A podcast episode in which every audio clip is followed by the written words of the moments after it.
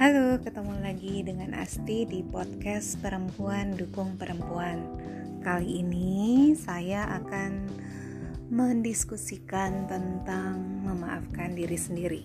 Memaafkan diri sendiri adalah sebuah hal yang mungkin bukan hal yang lazim kita kenal dan kita praktekkan. Karena sejak kecil sepertinya kita dibiasakan untuk memaafkan orang lain Uh, dan setiap tahun kita ada lewat hari-hari besar, Lebaran, Idul Fitri, kita diingatkan untuk saling memaafkan satu dengan yang lain. Sehingga mungkin untuk kegiatan memaafkan kepada pihak lain kita cukup fasih dan sudah terbiasa. Karena dari kecil kita sudah berlatih, kita sudah diajarkan, dari tahun ke tahun kita melakukannya secara rutin sehingga kita sudah menjadi terampil dengan memaafkan orang lain. Tapi mungkin kita justru tidak terlalu teram, terampil atau bahkan terlupa untuk belajar memaafkan diri sendiri. Sementara memaafkan diri sendiri itu sebenarnya sangat dibutuhkan agar kita bisa berdamai dengan diri kita sendiri, dengan apa pun penyesalan, amarah, kekecewaan, yang pernah kita punya dengan diri kita sendiri pada satu titik di kehidupan kita. Jadi, podcast kali ini lagi mau mengajak kita berefleksi untuk membuka hati dan mulai melihat ke dalam untuk mengenali perasaan bersalah yang jangan-jangan nih selama ini sudah menumpuk dan kita tidak pernah lakukan apa pun untuk kita lepas dan kita maafkan.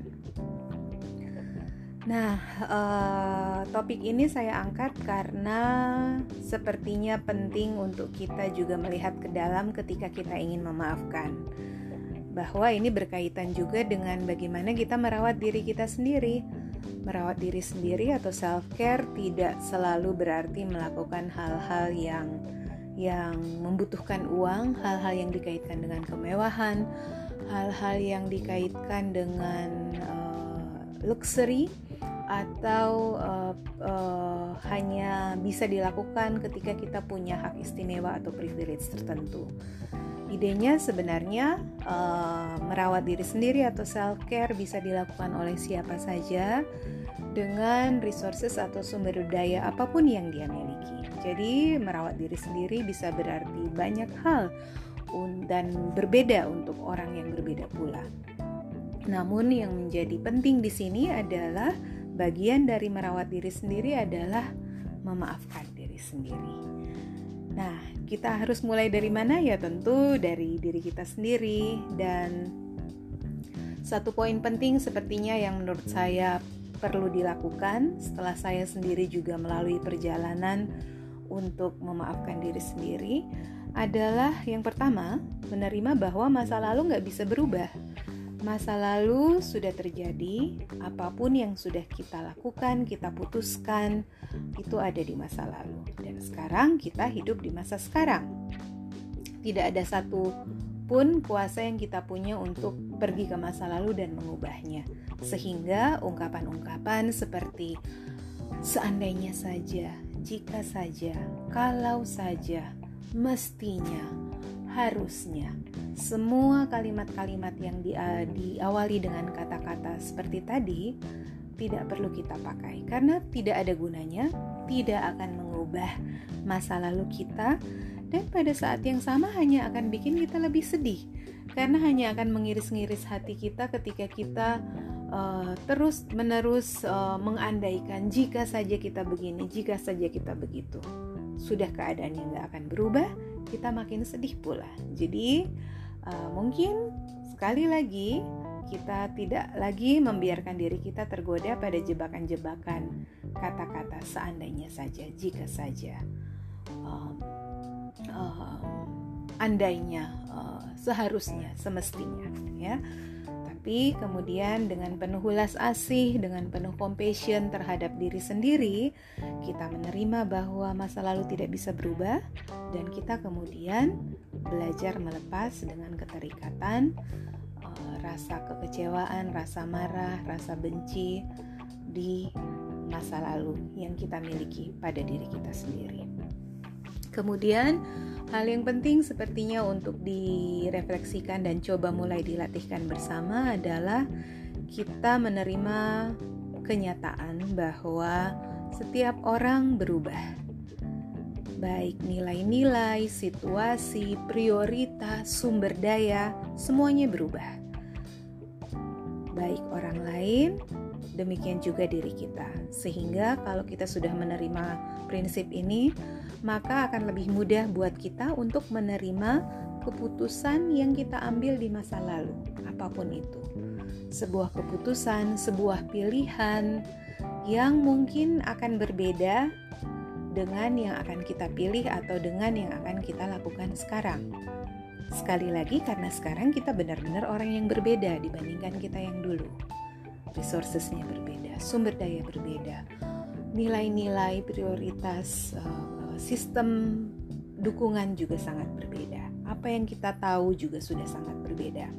Jadi, mari kita menerima semua keputusan yang dibuat di masa lalu itu sudah melalui prosesnya di masa itu. Jadi, belajar menerima keputusan kita yang kita ambil di masa itu adalah keputusan yang terbaik pada saat itu. Nah, kalau sudah demikian, akan menjadi lebih mudah kita menerima dan memberi dukungan pada kita yang dulu.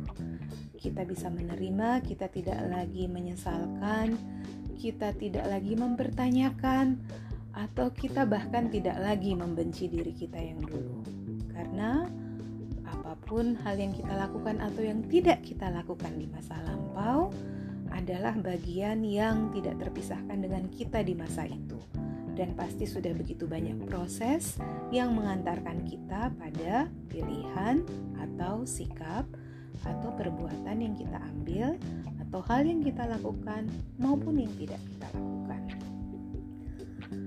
Terkadang saking kita sudah mencoba menekan uh, perasaan tidak suka, perasaan benci, perasaan marah pada diri sendiri di masa yang lalu, Kadang-kadang hal ini bikin kita sudah tidak mengenali lagi apa yang sebenarnya kita uh, simpan, amarah, ketidaksetujuan, benci uh, terhadap diri sendiri.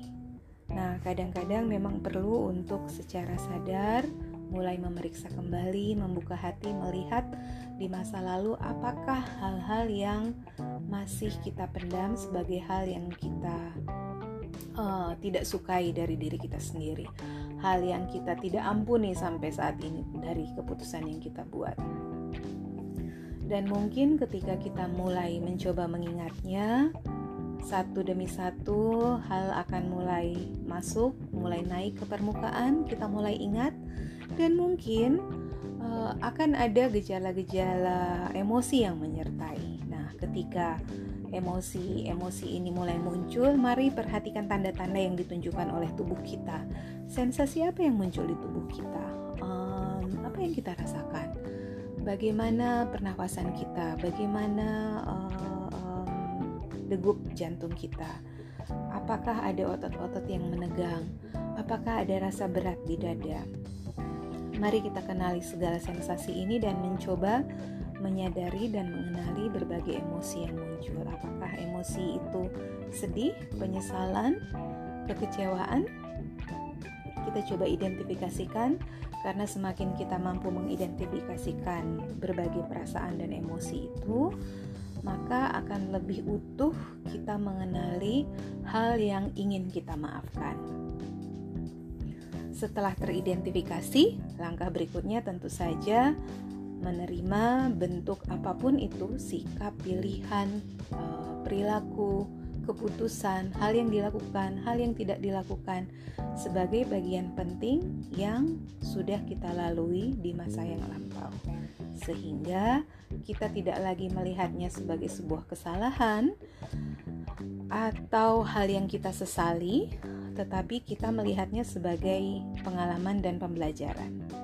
Hal itu, apa pun itu, melekat dalam garis kehidupan kita, tapi kemudian kita bisa secara damai melepaskannya sebagai sesuatu yang pernah terjadi di masa lalu dan sudah kita maafkan. Sudah kita terima, kita hormati dan kita hargai sebagai guru yang ngajarin kita untuk menjadi manusia yang lebih kuat, menjadi manusia yang lebih bijak, menjadi manusia yang kemudian tahu apa pun konsekuensi dari yang kita pilih. Jadi, alih-alih melihat atau melabelkan peristiwa yang terjadi di masa lalu sebagai sebuah kesalahan, kita kemudian melihatnya sebagai guru yang mengajarkan kita banyak hal, termasuk tentang diri kita sendiri. Dan ini sangat penting dalam perjalanan untuk mengenal diri sendiri dan mencintai diri sendiri. Dan hal ini uh, sangat penting untuk dilakukan secara aktif dan terus-menerus karena mungkin ada banyak hal yang tidak langsung kita sadari terkait dengan ke kekecewaan kita atau amarah atau dendam kita pada diri kita sendiri. Sehingga merencanakan secara aktif untuk membawa hal-hal ini ke dalam kesadaran dan memaafkan setiap hari untuk apa yang sudah kita lakukan atau kita tidak lakukan di masa lampau bisa kita lakukan secara teratur dan akan makin menguatkan kita dalam memberi rasa welas asih dan memupuk rasa welas asih serta kasih sayang kepada diri kita sendiri.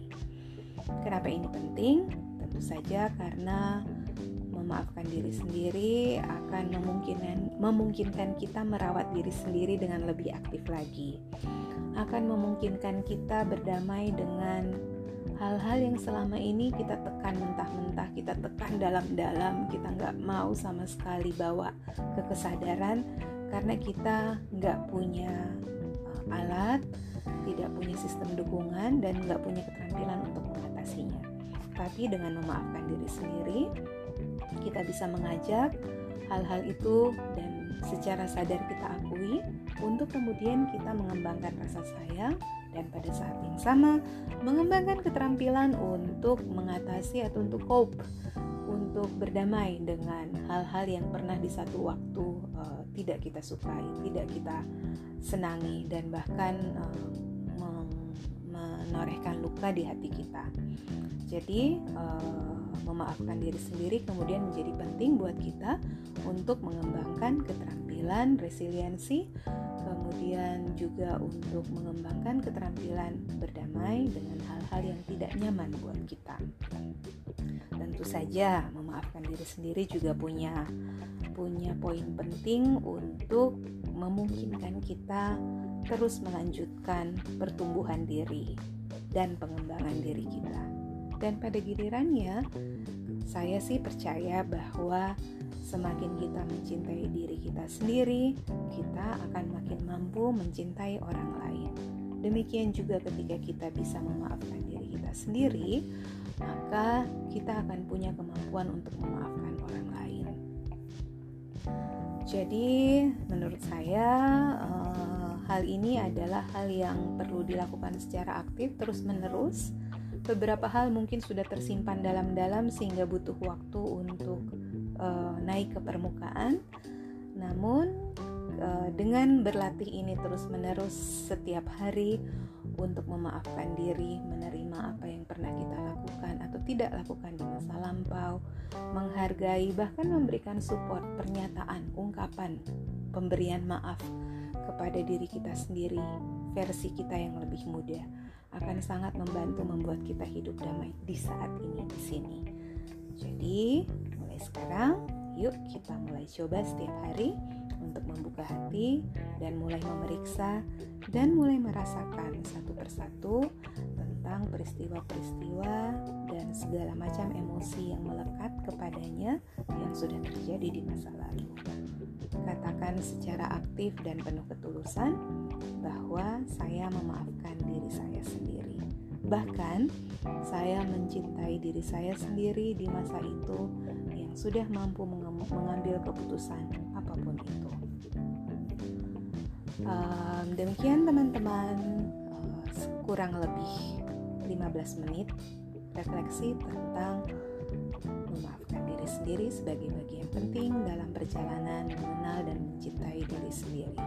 Terima kasih sudah bersama saya Asti dalam podcast Perempuan Dukung Perempuan dan kita akan bersama lagi untuk topik lainnya bisa dengan saya sendiri atau bisa juga dengan tamu saya yang lain untuk diskusi bagaimana mengenal serta saling menguatkan, saling mendukung agar kita bisa punya self compassion, rasa belas asih yang besar buat diri kita sendiri.